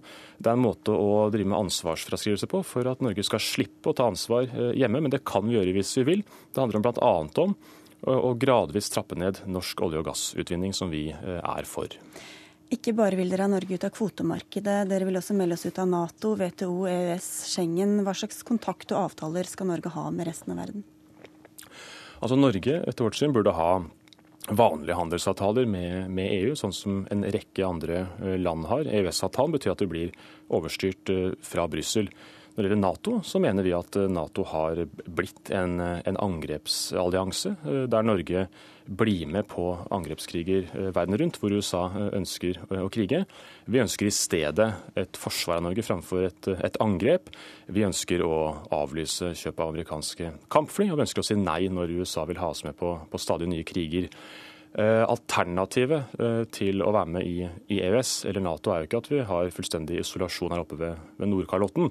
Det er jo at vi har vanlige avtaler med andre land eh, om, om samarbeid og om, om, handel. og Det er fullt mulig at Norge kan få. Vi, trenger, vi må ikke leve med verken EØS-avtalen eller Nato. Eh, apropos dette, dere vil altså bare ha internasjonal deltakelse i fredsbevarende operasjoner der alle parter aksepterer tilstedeværelsen. Hvorfor skal verdenssamfunnet la være å gripe inn eh, hvis én part motsetter seg det, og kanskje i stedet begår drap og overgrep mot befolkningen? Nei, det, Et godt eksempel på det er hva som, som skjedde eh, da Nato og andre land gikk til angrep på, på Libya for bare to år siden, som et enstemmig storting sto bak. Eh, det var et angrep som både eskalerte eh, konflikten, som har ført til at over 20 eh, 000 sivile er drept, at man har lagt hele byer i grus. Så Men hvorfor skal én part kunne motsette seg det, hvis den parten også samtidig begår overgrep mot befolkningen? Altså, vi, vi, mener jo at når begge parter ønsker internasjonal tilstedeværelse, sånn som det var f.eks. med FN-styrkene som Norge deltok i for 20-30 år siden, så er det riktig å være en fredsbevarende styrke. Men disse fredsopprettende operasjonene har jo vist seg å bli intervensjoner eh, der vestlige makter har gått inn, og de også har eskalert konflikten. Er det da bedre å sitte stille og se på et folkemord enn å gå inn? Eh, nei, men altså, verden, verden, ser jo nå på det som skjer eh, i Syria. Og det er ingen som stiller spørsmålet til verken Støre eller Barth Eide. Hvorfor sitter vi og ser på? Altså, Det å gå inn i Syria vil sannsynligvis gjøre ting verre. Derfor går man ikke inn. Men det er ikke noe bra ikke å gå inn, men det er verre eh, å gå inn. Derfor gjør man ikke det. Så det er ikke at, at, at alternativet eh, til, eh, til, å gå inn er å sitte og se på, men iblant kan det faktisk slå ut verre, sånn som i Syria. Da tror jeg det er lurt å ikke gjøre det. Vi forsøker oss med en kjapp runde fra litt forskjellige deler av programmet deres. Bør alle ha lovfestet rett til arbeid? Ja, det tror jeg vi er for. Bør det være et mål å få sykefraværet ned? Absolutt. Dere skriver at det ikke er et mål i programmet deres. Jo, det, er, altså det er et mål på den måten at vi skal tilrettelegge bedre for folk, så de kan stå i arbeid lenger. Eh, men det, den, den sykefraværsdebatten vi har nå, den skygger over faktum at vi har høyt sykefravær fordi mange står i arbeid, også folk som har helseproblemer. og Da vil vi ha høyt sykefravær, men det er bedre det enn at vi har høy arbeidsledighet, som er alternativet til at vi også har dagens høye sykefravær. Tilbake til det kjappe. Dere er mot private livssynsskoler. Bør alle steinerskoler legges ned? Uh, nei. Dere vil kvotere inn folk til Politihøgskolen ut fra etnisitet, kjønn, legning og religion. Skal det være faste kvoter for så og så mange lesbiske, sikher, samer, transseksuelle osv. Det har vi ikke detaljene på. Dere vil ha mer nynorsk i NRK. Hvor høy eh, nynorsk prosentandel eh, vil dere ha? Høyere. Enn? enn i dag. Som er? Jeg har ikke tallene i hodet på det, men det, det kan vi sikkert skaffe hvis NRK vil ha det. Så skal det 25, NRK få det. Det er 25 okay. ok. Eh, Bjørnar Moxnes, hva mener du er den mest utbredte myten om Rødt? Nei, det, altså det vi møter blant folk, eh, er jo at de tror at det ikke nytter å stemme på oss. Eh, det er den mest utbredte myten, at eh, mange som har oss som eh, førstevalg i valglokalet, heller går for det som de tror er safe, nemlig Ap eller, eller, SV. Men hvis de som er enige med oss, stemmer på oss, så kommer vi faktisk inn på Stortinget i år. Så jeg håper at folk holder fast ved førsteprioriteten, også i, i valglokalet. Så det er, okay. det er, den viktigste myten, som også hindrer at vi har kommet inn hittil. Da. Ja, der fikk vi appellen. Men noe som ikke er en myte, er at dere har et nokså dyrt arbeidsprogram. Rødt vil sette opp pensjoner og trygder. fjerne egenandeler, vekk med bompenger, inn med gratis briller, tannlege, barnehager, skolefritidsordning, kollektivtrafikk og gi mye mer til offentlig velferd. Hva kommer dette til å koste i året? Altså Når vi kommer inn på Stortinget, så vil vi da be Finansdepartementet eh, om å regne på forslagene i programmet vårt. Men det vi kan si allerede nå, er jo at eh, dette vil eh, koste penger. Og at hvis vi skal kunne finansiere felles velferd i framtida, så må vi også øke den felles skatteinnsatsen. Og så er det en god nyhet, da, og det er at det er fullt mulig å både øke den offentlige velferden og ha mer igjen i lommeboka, men kanskje litt mindre mer enn det resten av partiene legger opp til. Da må vi, da må vi øke skatteinnsatsen for å kunne finansiere bl.a. gratis tannhelse, gratis helsevesen i framtida. Det vil kreve at også norske innbyggere er villige til å betale mer for velferd. Hvor mye skatt skal man betale for å finansiere hele den lista som jeg lista opp? Altså Hvis vi legger perspektivmeldinga eh, til grunn, som regjeringa la fram i vår, så er det snakk om en marginal eh, promilleøkning i skattesatsen eh, per år fram til 2050 for å kunne dekke inn det såkalte ufinansierte gapet gjennom felles skatteinnsats. Hvis ikke vi gjør det, så blir det opp til folk, folk, flest ellers å betale for det fra privat lomme. Så det er jo et valg her mellom offentlig fellesfinansiering eller at man lar folk betale for det selv. For pengene fins. Så er spørsmålet hvor, hvilken balanse skal vi ha mellom offentlig forbruk og privat forbruk. Det er snakk om skattesystemet. I dag viser en rapport fra Fafo at et flertall vil endre og stramme inn på velferdsordningene for å sikre norsk økonomi framover. Hvor solidarisk er dere overfor de kommende generasjoner når dere legger opp til det velferdssystemet? Nei, det, det, er det som er solidarisk. Det er å gå, gå, inn for et system der vi finansierer dette her eh, i fellesskap. Alternativet, eh, som de andre partiene nå eh, går inn for med pensjonsreformen, altså med kutt, innstramning i pensjonene til, til vanlige folk, det er jo at å overlate en større del av ansvaret til den enkelte og til å gamble med egen pensjonsformue på verdens børser. Hvis vi tar inn noe mer av den forventede enorme veksten i privat kjøpekraft. Det er lagt opp til en enorm vekst i det fram til 2050 i form av skatter til fellesskapet, så har vi mer enn nok råd til å finansiere felles velferd i framtida. Men her er jo Arbeiderpartiet på samme side som Høyre og legger opp til en vanvittig vekst i privatforbruk. Og samtidig innstramninger i det offentlige, fellesskapelige velferden. Det er vi sterkt uenig i. Dere vil omstille norsk våpenindustri og oljeindustri til fredelige og miljøvennlige mm. industrier. Skal staten da lage arbeidsplasser til alle de som mister jobben? Altså, vi mener jo at, at staten bør ta et større ansvar, også for å lage framtidsretta næring i Norge. Og når vi omstiller oss eh, fra et eh, oljesamfunn til et fornybarsamfunn, så må jo staten gå inn og bygge arbeidsplasser innenfor solenergi, eh, vindenergi, biomasse og lignende, for å kunne sikre framtidas teknologi og arbeidsplasser. Så vi er ikke noe redde for å bruke fellesskapet som et verktøy for å sikre en bærekraftig næring også i framtida. Vi er ikke næringsnøytrale, sånn som Høyre og dessverre også Arbeiderpartiet har vist seg å være. I forlengelsen av det, Dere sier at det haster med å avvikle kapitalismen, men dere skriver lite om hvilket alternativt samfunn dere vil ha. Hvilken mm. samfunnsmodell legger dere opp til? Vi er jo sosialister, da. Eh, så for å si fem setninger om det. Så kapitalisme betyr jo at, at berikelse av de veldig få uh, står over uh, liv og helse for millioner av mennesker. Altså I dag så kontrollerer 1 av verdens befolkning 40% av ressursene. Sosialisme betyr at vi styrer det her demokratisk og i fellesskap i stedet. At vi ikke lar eh, finansbanker ha mer makt over land eh, enn de har i dag. At vi underlegger bank og finans også demokratisk eh, kontroll og styring. Så Det er jo prinsippene vi ønsker. altså Mer demokrati også over økonomien, over det som er blodomløpet, nemlig bank og finans, over de sentrale ressursene som vi kan styre i fellesskap og ikke vil overlates til Eh, private særinteresser. Da går det ille, som vi nå ser i Europa, hvor en krise herjer, og hvor det skyldes at de som har skapt krisa, nå eh, krever renter og lån tilbake fra land og befolkninger som blir eh, pressa ned i arbeidsledighet og nød. Dere skriver også i prinsipprogrammet at en sosialistisk revolusjon ikke vil kunne seire uten at borgerskapet avvæpnes og folket tar kontroll over militærmakten. Hvem er dette borgerskapet dere skal avvæpne? Altså, det er en formulering som jeg skjønner at folk eh, stusser over. Og den er nok skrevet av noen som har en litt uh, teoretisk tilnærming. Nå skal vi revidere programmet vårt uh, til våren, men det det skal forstås som, tror jeg, det er en henvisning til, uh, til land der demokratiet har utfordra den økonomiske eliten, sånn som i både Chile, Venezuela og Hellas. Og prinsippet her er noe som enhver demokrat bør kunne være enig i, nemlig at folkeviljen skal forsvares mot enhver form for kupp og undertrykkelse. Det er prinsippet som er litt knotete uh, formulert i programmet. Høres ut som du selv må tolke og at den kanskje er på vei ut, denne formuleringen. Men du har altså en reell sjanse til å komme inn på Stortinget. Uh, revolusjon virker jo å være nokså i det fjerne, som dere også innser i programmet. Men når så mange av forslagene deres er såpass langt unna dagens virkelighet, hvordan skal velgerne vite hva dere faktisk prioriterer å få gjennom hvis dere får litt gjennomslag? Nei, jeg kan si tre ting nå så kan velgerne høre det.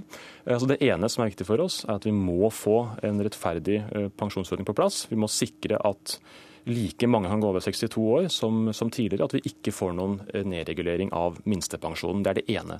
Det andre er at vi skal ha slutt på at man driver sykehusene som butikk. Vi vil ha vekk stykkprisbetalinga som i dag er i sykehusene. Vi vil ha vekk forretningsfolk fra sykehusstyrene. Vi vil heller ha mer styring fra fagfolk, pasienter og politikere. Eh, ja. Nei, ja vi, kan, vi, kan, stoppe der. Ok, jeg har en til. Da. Ja, ja, dere har sikkert mye annet òg. Men dere vil altså være en annen stemme, f.eks. utenrikspolitikken. Mm, det var, var det tredje poenget. Ja, ikke sant? Hvor viktig er bare det å være en annen høylytt stemme, selv om dere kanskje ikke får så mye gjennomslag? Jeg tror at politisk innflytelse handler om også mye mer enn antall uh, mandater. Uh, når vi i åtte år har hatt et storting som har vært uh, helt enige om å følge Nato og USA i deres kriger, som har vært helt enige om å kutte i pensjonene, også helt enige på tvers av, blokkskillene om å drive sykehusene som butikk, så vil det å få inn én fra Rødt det vil bryte den enigheten. og Det kan bety veldig mye mer enn hva antall mandater skulle tilsi. Så det er veldig klokt å stemme på Rødt hvis du ønsker å få gjort noe med både sykehusene, med pensjonen og med utenrikspolitikken. Da er det et veldig klokt valg. For Dere gjør dere det dere kan i hvert fall for å slå igjennom, bl.a. ved å programfeste at alle landsomfattende partier som stiller til liste med valg, må sikres god dekning i riksdekkende radio og TV. Det er ikke det demokratiske. Hva skjer med redaktøransvaret og den journalistiske friheten? Ja, Det som skjer nå, er jo at redaksjonen i TV 2 og NRK nekter også De Grønne å være med. Eh, og Det mener jeg er udemokratisk. Altså, det er to partier som har reell sjanse å komme inn eh, på Stortinget, men så skal altså redaksjonene faktisk avgrense velgerne fra å få lagt fram uh, vår politikk på like linje med de andre. Så jeg håper at vi kan få et mer demokratisk system der også partier som Rødt, som har veldig mye god politikk, og også De Grønne, som har en god del eh, god politikk, eh, kan få legge fram politikken vår for velgerne, på linje med de andre partiene som nå har fri tilgang i disse debattene, som vi foreløpig er nekta å ha vært med. Men altså, vi kommer ja, å ja. Skulle si, nå har du hvert fall fått... nå. Jeg skjønner jo det, for nå har du fått vise deg fram både på TV og radio. og Du nevner ikke nettet i programmet, men det er nettopp der du skal nå, for nå skal du på nettmøte med velgerne på nrk.no. Send inn spørsmål. Nemlig. Denne utspørringen er over. Takk skal du ha, Bjørnar Moxnes. Eh, Hanne Lunås, Karoline Rugeldal og jeg, Sigrid Solund, var ansvarlig for den. Mandag er vi tilbake med Siv Jensen i utspørring på P2. Velferdsordningene bør strammes inn, det mener over halvparten av de spurte i en ny undersøkelse. Regjeringen bevilger ekstra penger til hjelpearbeid. Mesteparten skal brukes i Syria. Det har ingenting å si hvem som vinner valget. Lange bilkøer rundt storbyene, det blir det uansett. Her er NRK Dagsnytt klokka 7.30.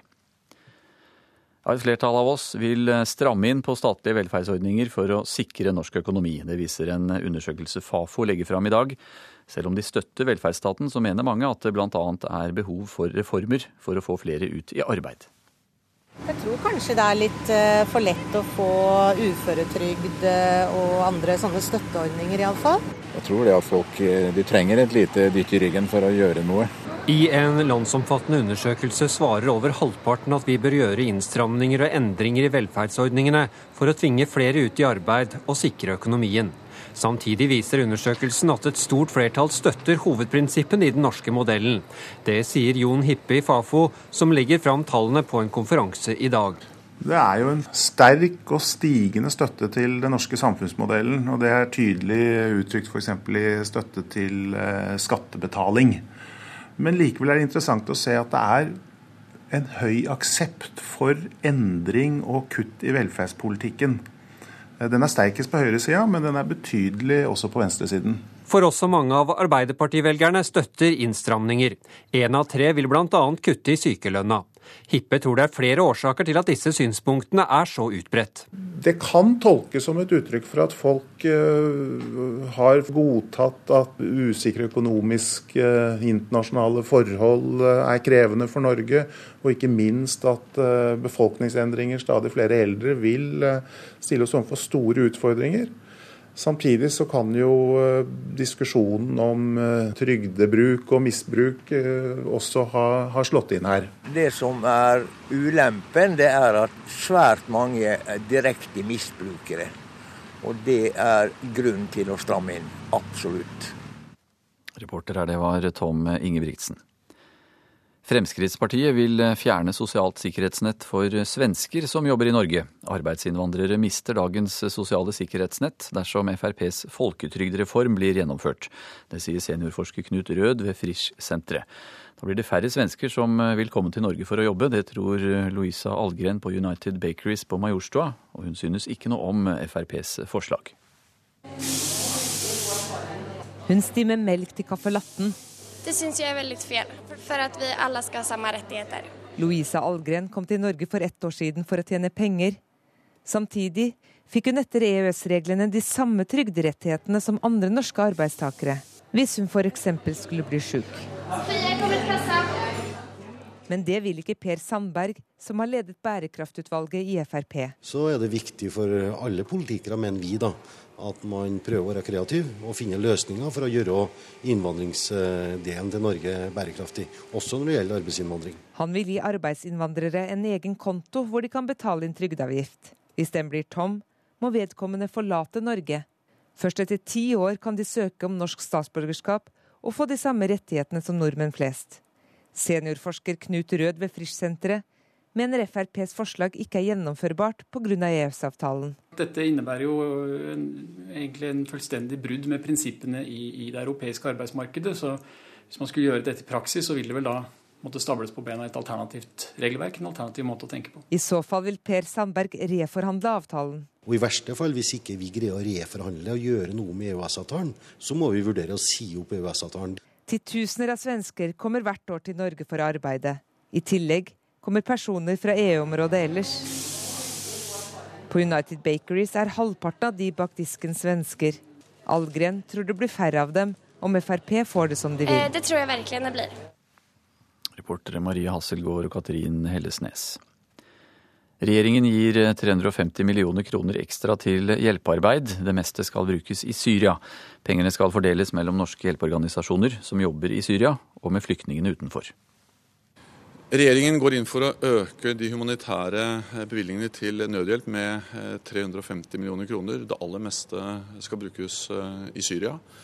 Og Det er fordi det ifølge FN er en av de største og mest alvorlige flyktningkatastrofer verden har sett siden annen verdenskrig.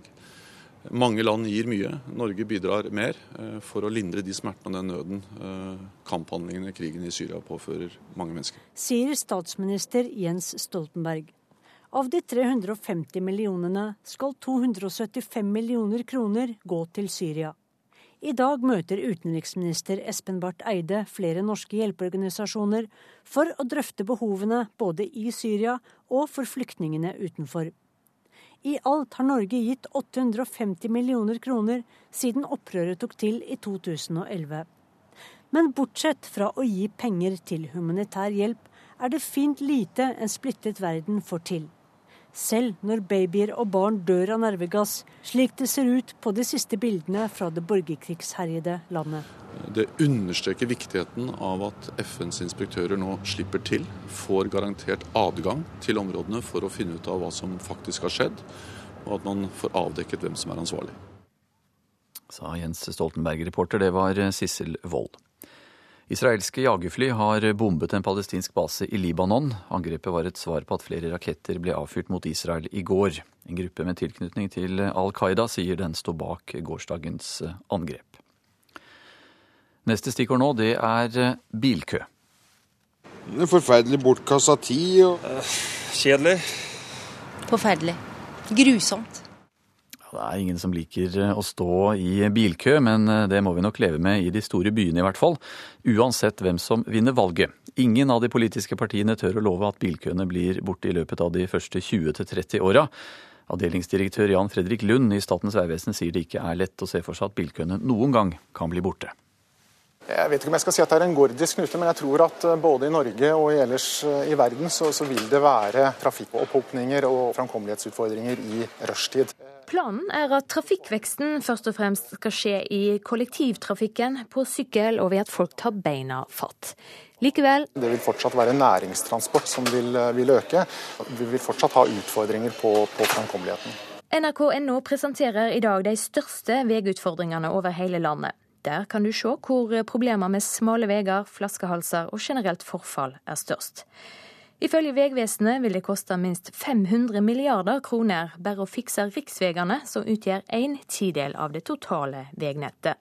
Med de enorme behovene og utfordringene som er der nå, så trenger vi et sted mellom 20 og 25 år Sjøl med en svimlende økning i samferdselsløyvingene på 455 milliarder kroner, slik Fremskrittspartiet og Bård Hoksrud går inn for, er det umulig å bli kvitt køene med det første. Og da skjønner alle at her er enorme behov. Heller ingen andre parti mener det er realistisk å bli kvitt køene. Det tror heller ikke de som lager veiene. Nei, Jeg tror du og folk flest ikke vil merke noe særlig bedring. Liv Kari Skudal Hansten i Rådgivende ingeniørers forening skulder bl.a. på dagens nasjonale transportplan. Vi ser vel ikke for oss at vi vil få noe bedring på 50 år frem i tid. Reporter her, det var Silje Sande. Køen av personer som venter på å få sone i norske fengsler er eh, tredoblet på fire år. Flere enn 1100 eh, personer står nå i soningskø, mens det for tre år siden var 339 personer som ventet på å sone, skriver VG. Justisdepartementet hevder de lange soningskøene bl.a. skyldes flere varetektsfengslinger. Fotballaget Tromsø gjorde som eh, i 2005. Slo et tyrkisk storlag på Alfheim. For åtte år siden så ble Galatasaray sendt hjem til Istanbul med tap. I går vant Tromsø den første av to kvalifiseringskamper i Europaligaen med 2-1 over Besiktas.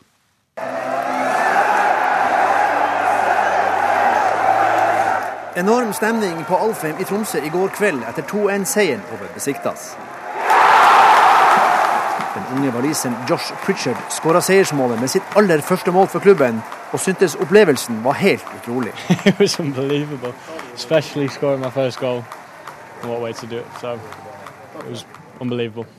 Besiktas-trener Slaven Bilic mente Tromsø fortjente seieren etter sin sterke andre omgang.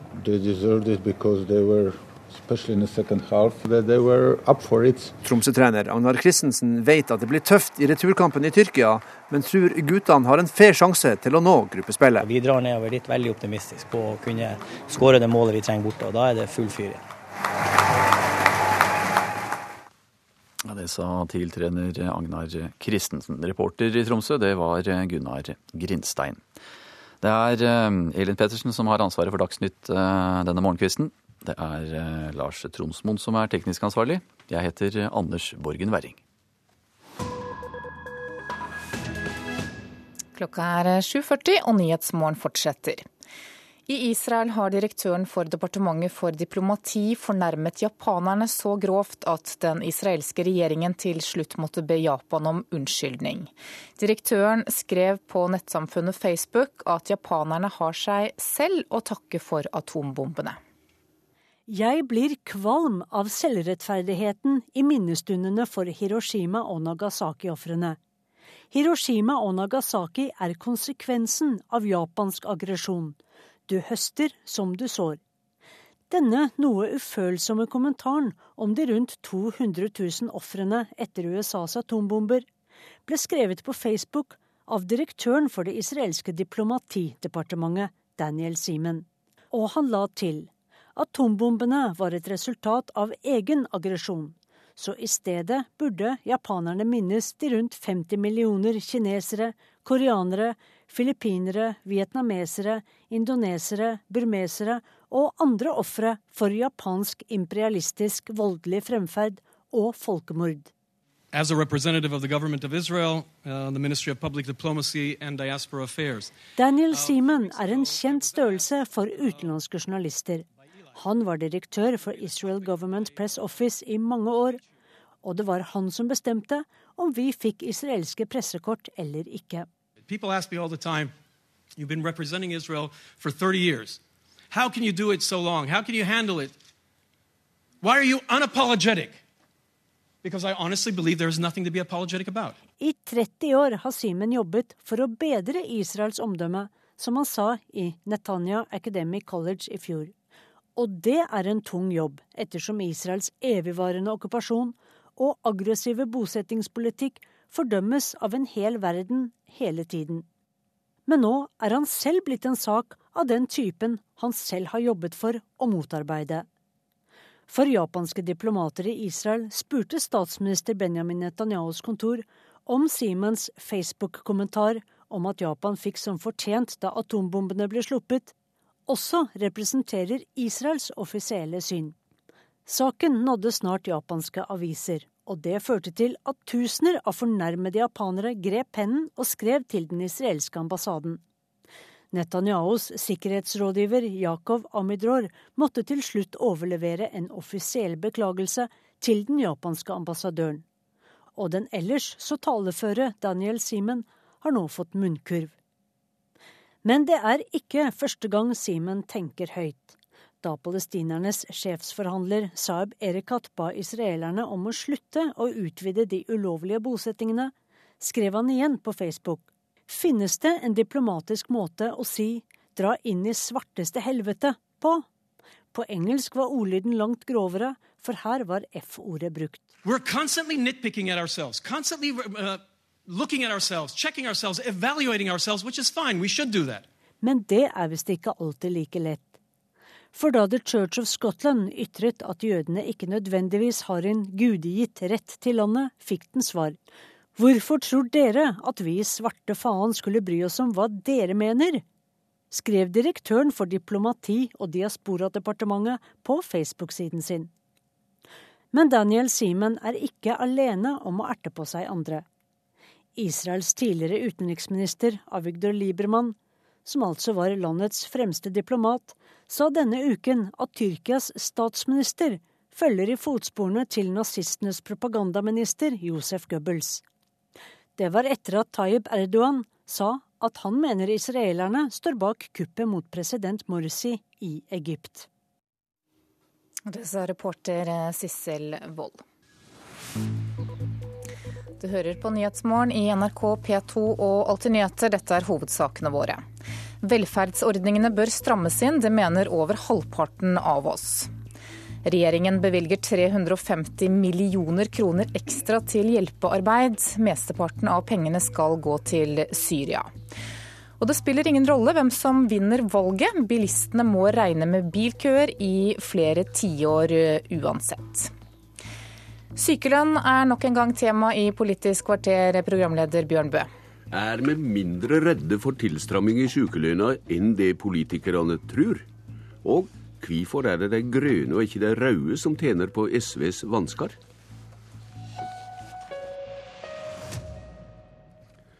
Forskningsstiftinga Fafo har fått gjort ei meningsmåling om holdninger til velferdsordninger og framtidsutsikter, mellom annet. Daglig leder i Fafo, Tone Fløtten, hvordan tolker det at 40% mener sykelønnsordninga bør gjøres mindre sjenerøs? Ja, Det er i hvert fall minst to tolkninger på det spørsmålet. Det ene er jo at de fleste ikke vil gjøre den mindre sjenerøs. Det er liksom den ene siden av saken her. Flertallet vil jo at den skal være som den er i dag. Det kan tolkes dit hen at den er freda. Det er et uh, arbeid for IA-avtalen å sørge for lavt sykefravær. Og det er partenes ansvar, så holder velgerne seg unna. Når såpass mange allikevel vil, uh, er åpne for at den kan endres, må jo det ses som en reformvilje i befolkningen. Man er villig til å gjøre justeringer i velferdspolitikken. Og det kan man på den ene siden henge sammen med en bevissthet, forståelse, oppfatning av at det er en økonomisk uh, usikker framtid foran oss økonomisk krise i Europa, aldring i befolkningen osv. gjør at man må kanskje stramme inn på velferdsordningene. Mm. Og Det kan også henge sammen med en eh, bekymring for om ordningene er effektive, om de brukes på riktig måte. Mm. Det kan være en misbruksmistanke her. Hva sier det oss at det finner at eh, mange også i Arbeiderpartiet mener det er trang for reformer av velferdsordninger?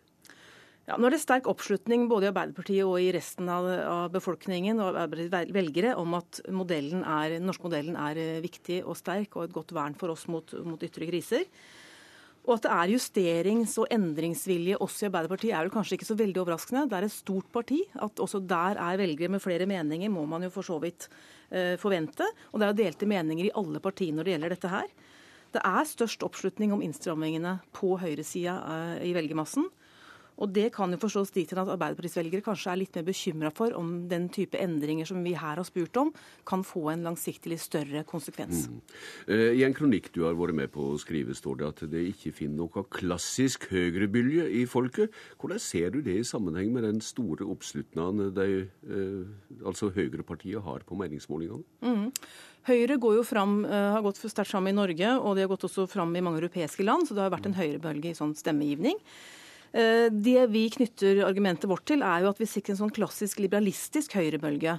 Det er ikke noe som tyder på at, at de høyrevelgerne som i fall har svart på vår undersøkelse, er veldig liberalistiske av seg. Det er nok mer en bevegelse mot sentrum i politikken. For så vil et, bare et mindretall av velgerne slippe opp arbeidslivsreguleringen, gjøre det lettere å ansette og si opp folk. Det er et stort mindretall som er mot kutt i velferdsordningene, mm. og det er kun 10 av Høyres velgere som ønsker å liberalisere arbeidsinnvandringsreglementet f.eks. Men uh, dette har uh, i seg selvsagt perspektiv framover. Hvordan skal vi holde på den velferden vi makter å holde på i framtida? Uh, Samtidig, Fløtten, så finner jeg at over halvparten av velgerne tror den norske samfunnsmodellen blir endra monaleg dersom det blir regjeringsskifte. Hva er tolkinga av det, da? Vi må kanskje nesten si heldigvis for partienes skyld at eh, velgerne tror at det har en betydning om man stemmer på det ene eller det andre. Nå har jo Høyre eh, i sin valgkampen kjørt veldig fram på det nye Norge. De skal ha et nytt Norge med nye ideer og bedre løsninger. Mens Arbeiderpartiet på sin side kjører sterkt på dette veivalget som dette valget er, og sier at eh, dette er valg mellom velferdskutt eller skatteletter, mellom privatisering og fellesskapsløsninger. Så det er litt deprimerende for partiet hvis ikke folk skjønte eller oppfattet at det her faktisk var en, en, et valg man sto foran når man da valgte. Og så vil vel venstresida si at det er et trusselbilde. Her får man høyresida, så vil det bli eh, innstramminger og ulikhet. Mens, mens eh, høyresida vel ser det som en reell reformmulighet. Ja, da vender jeg meg til deg, Paul, Paul Joakim Sandøy, leder i Unge Høyre. Spørsmåla her gjelder perspektiva framover for hvordan velferd skal innrettes. Så langt har du tapt kampen i Høyre om å stramme inn på sykelønnsordninga. Ja. Hvor oppmuntra blir du av Fafos meningsmåling? Altså, Denne rapporten eh, viser jo at oppsiktsvekkende mange har tatt inn over seg det som eh, dagens politikere ikke har lyst til å snakke om, nemlig at det offentlige bruker altfor mye penger. Jeg mener at dette er den eh, viktigste saken valget ikke handler om. Tidligere i år så leverte regjeringa ei perspektivmelding som viste at vi bare om en tiårs tid kommer til å gå i minus. Vi kommer til å bruke mer penger enn vi får inn. Eh, og at dersom vi fortsetter som nå, eh, så vil vi innen 2060 enten måtte godta dramatiske kutt i velferden eller dramatiske skatteøkninger. Med andre ord så, så blir det altså en feit regning til dagens unge. Så eh, at befolkninga er mer positiv til dette enn veldig mange politiske partier tror, det mener jeg er oppmuntrende.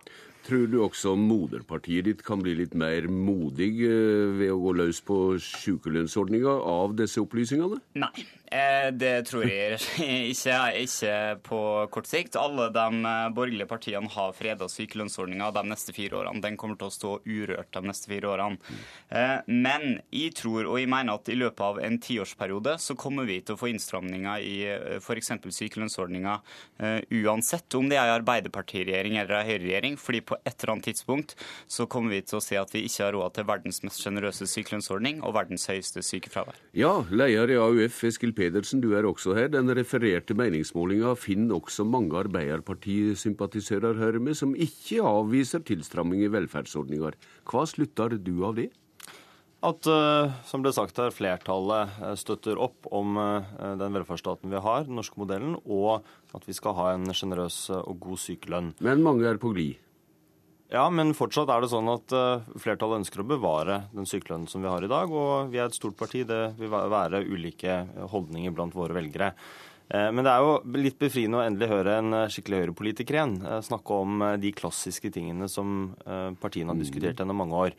Eh, da jeg ble aktiv i politikk for eh, over ti år siden, så var globalisering det vi, som var den mest nymotens å diskutere. Og eh, da hørte vi jo de samme argumentene som vi hører fra Paul Joachim her, at Norge hadde for høy skattenivå og sterke jobbrettigheter, så det var ikke mulig å starte bedrift. Og vi hadde for dyr velferd å drifte. Så har det gått eh, over ti år. Vi har vært gjennom den største økonomiske krisen. Eh, og det landet som klarer seg best, det er Norge, med en sterk offentlig sektor. Og andre land ser til oss.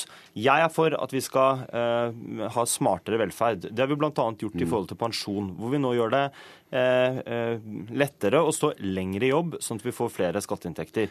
Men det er mange måter å betale for velferden i framtida. Det å kutte i velferden er ikke den eneste løsningen som uh, Unge Høyre her tar til orde for. Det går an å øke skattenivået moderat, det går an å jobbe litt lenger, det går an å organisere velferden vår smartere, men det er ikke noe nytt at Unge Høyre er for å kutte i velferden. Unge Høyre tripper etter å svare, men Pedersen, det synes å være avstand mellom den tverre avvisinga alle stortingsparti har mot å røre sykelønnsordninga og velgernes holdninger, er partielitene for blinde med tanke på å sikre velferd for dykkunge i det lange perspektivet? Nei, Jeg mener at det er Uh, ulike måter å sikre velferden i framtida. Unge Høyre har alltid tatt ord for å kutte i sykelønn, kutte i velferdsordningen til folk. Jeg mener det fins andre måter å uh, opprettholde dem på. Vi kan ha moderate skatteøkninger. Vi kommer til å ha en formidabel økning i kjøpekraften eh, i de neste tiårene. Eh, men det er også mulig da å ta inn eh, noe mer i skatt. Eh, og ikke minst er det mulig å få flere grupper inn i arbeid. Det er jo det vi har lykkes best med i Norge. At vi har bygd ut barnehager, det kan ses på som en mm. utgift. Men de inntektene vi har fått i skatt fordi kvinner er ute i arbeidslivet, den overgår det en stor gang. Paul Joachim Sandøy, du er fremdeles leder i Unge Høyre, og du hører hva Pedersen sier her. Eh, det har det siste året kommet advaring fra alle ungdomspartiene i opposisjonen mot å love for mye velferd. Eh, hvordan venter du at dette skal slå inn i moderpartiene nokså snarlig, og dermed syne det Pedersen mener er Høyres sanne anlitt? Ja, altså Det hadde vært deilig om eh, Eskil Pedersen kunne lagt fra seg valgkampretorikken til Arbeiderpartiet i to sekunder. Ja, Nå er det valgkamp nå, da. Ja, men nå i stedet diskutere framtida til vår generasjon på en ordentlig måte. Altså, Jeg ledet ungdomspartiet for å finne gode løsninger på framtida, ikke bare for å vinne et valg om, eh, om, to uker. Så er det ikke sånn at det er jeg som sier at vi ikke har råd til dagens velferd. Det er den rød-grønne regjeringa som sier at vi ikke har råd til dagens velferdsnivå, eh, og har lagt fram en, en rapport på det. Så jeg er helt enig med Eskil at vi må få flere mennesker inn i jobb. Eh, det er jeg helt enig i, men eh, da følger jo ikke Arbeiderpartiet opp det med konkrete politiske eh, tiltak. 800 000 mennesker står utenfor arbeidslivet. Skal vi få dem inn i jobb, så må det lønnes å jobbe. Mm. Og den arbeidslinja har Arbeiderpartiet forlatt. No. Samtidig så har vi vedtatt en pensjonsreform som bare er som et Donald-plaster å regne på et stort sår. Vi må ha kraftigere lut enn det. Min generasjon er forberedt på å jobbe lenger, men da må dagens 50- og 60-åringer jobbe lenger også. Nå er det Pedersen som er hissig her. Det er framtida framtida for unge slekter vi snakker om, er ja, det ikke det? Ja, det er det. Og jeg har lyst til å bo i det annerledeslandet Norge i framtida også, hvor vi kan ha råd til eh, høy velferd fordi at vi har høy produktivitet i arbeidslivet, mange er ute i arbeidslivet. Norge er eh, langt framme på de områdene. Eh, og så er det, altså, Hvis det er valgkamp å være for en velferdsstat, ja vel, da kan jeg gjerne innrømme at jeg også driver valgkamp nå. Nå høres det ut som det begge er for de, da. Jo, men, men det er forskjell i hvilken retning Paul Joakim vil at vi skal ta velferden vår, og, øh, og, jeg vil at vi skal ta velferden vår. Og det er klart at eh, Å høre Paul Joakim være veldig bekymret over at ikke vi har råd til å betale velferden i framtida, og samtidig være for å gi skattekutt, jeg mener det er en veldig dårlig prioritering for å opprettholde velferden. Eh, sykefraværet er det laveste det har vært på ti år. Eh, det har vi klart uten å kutte sykelønna, og jeg er imot at vi skal kutte i eh, de gode velferdsordningene vi har. Da får vi se hvordan de politiske partiene etter hvert innretter seg i høve til sykelønnsordninga. Takk til Tone Fløtten, Eskil Pedersen og Paul Joakim Sandøy.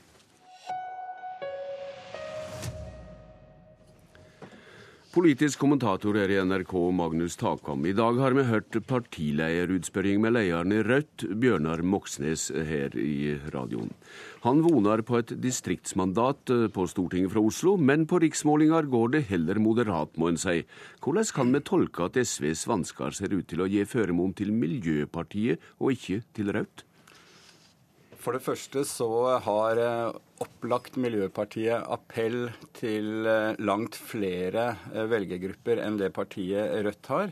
Det viser seg også i målingene at Miljøpartiet jo ikke henter velgere bare fra SV og Arbeiderpartiet, men også fra Venstre og delvis KrF.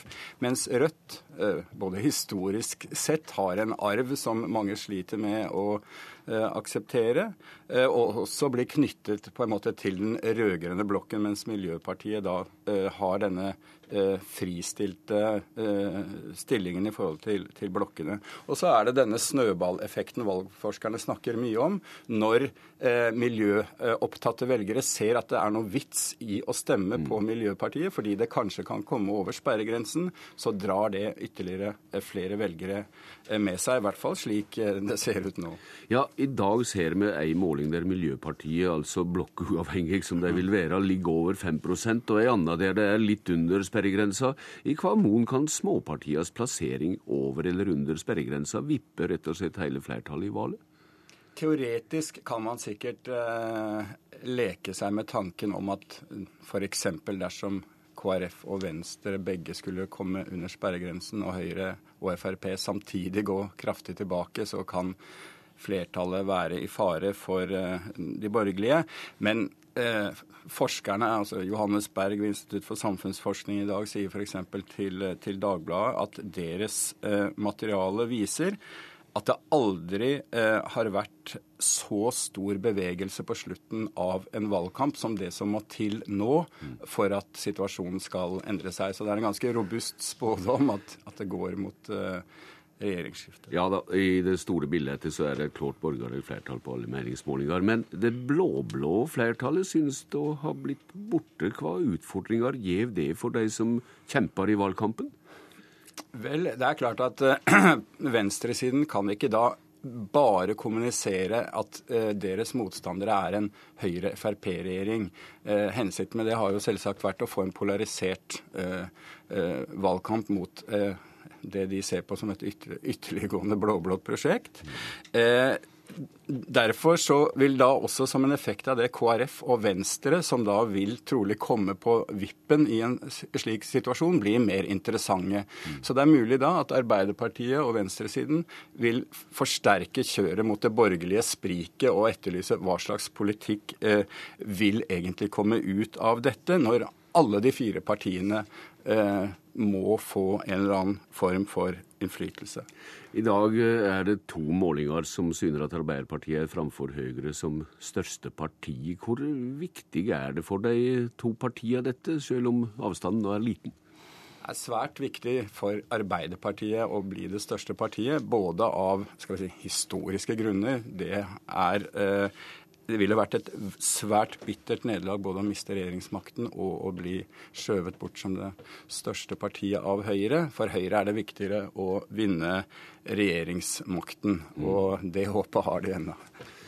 Takk til deg, Magnus Takvam. Politisk kvarter er slutt. Jeg heter Bjørn Bø.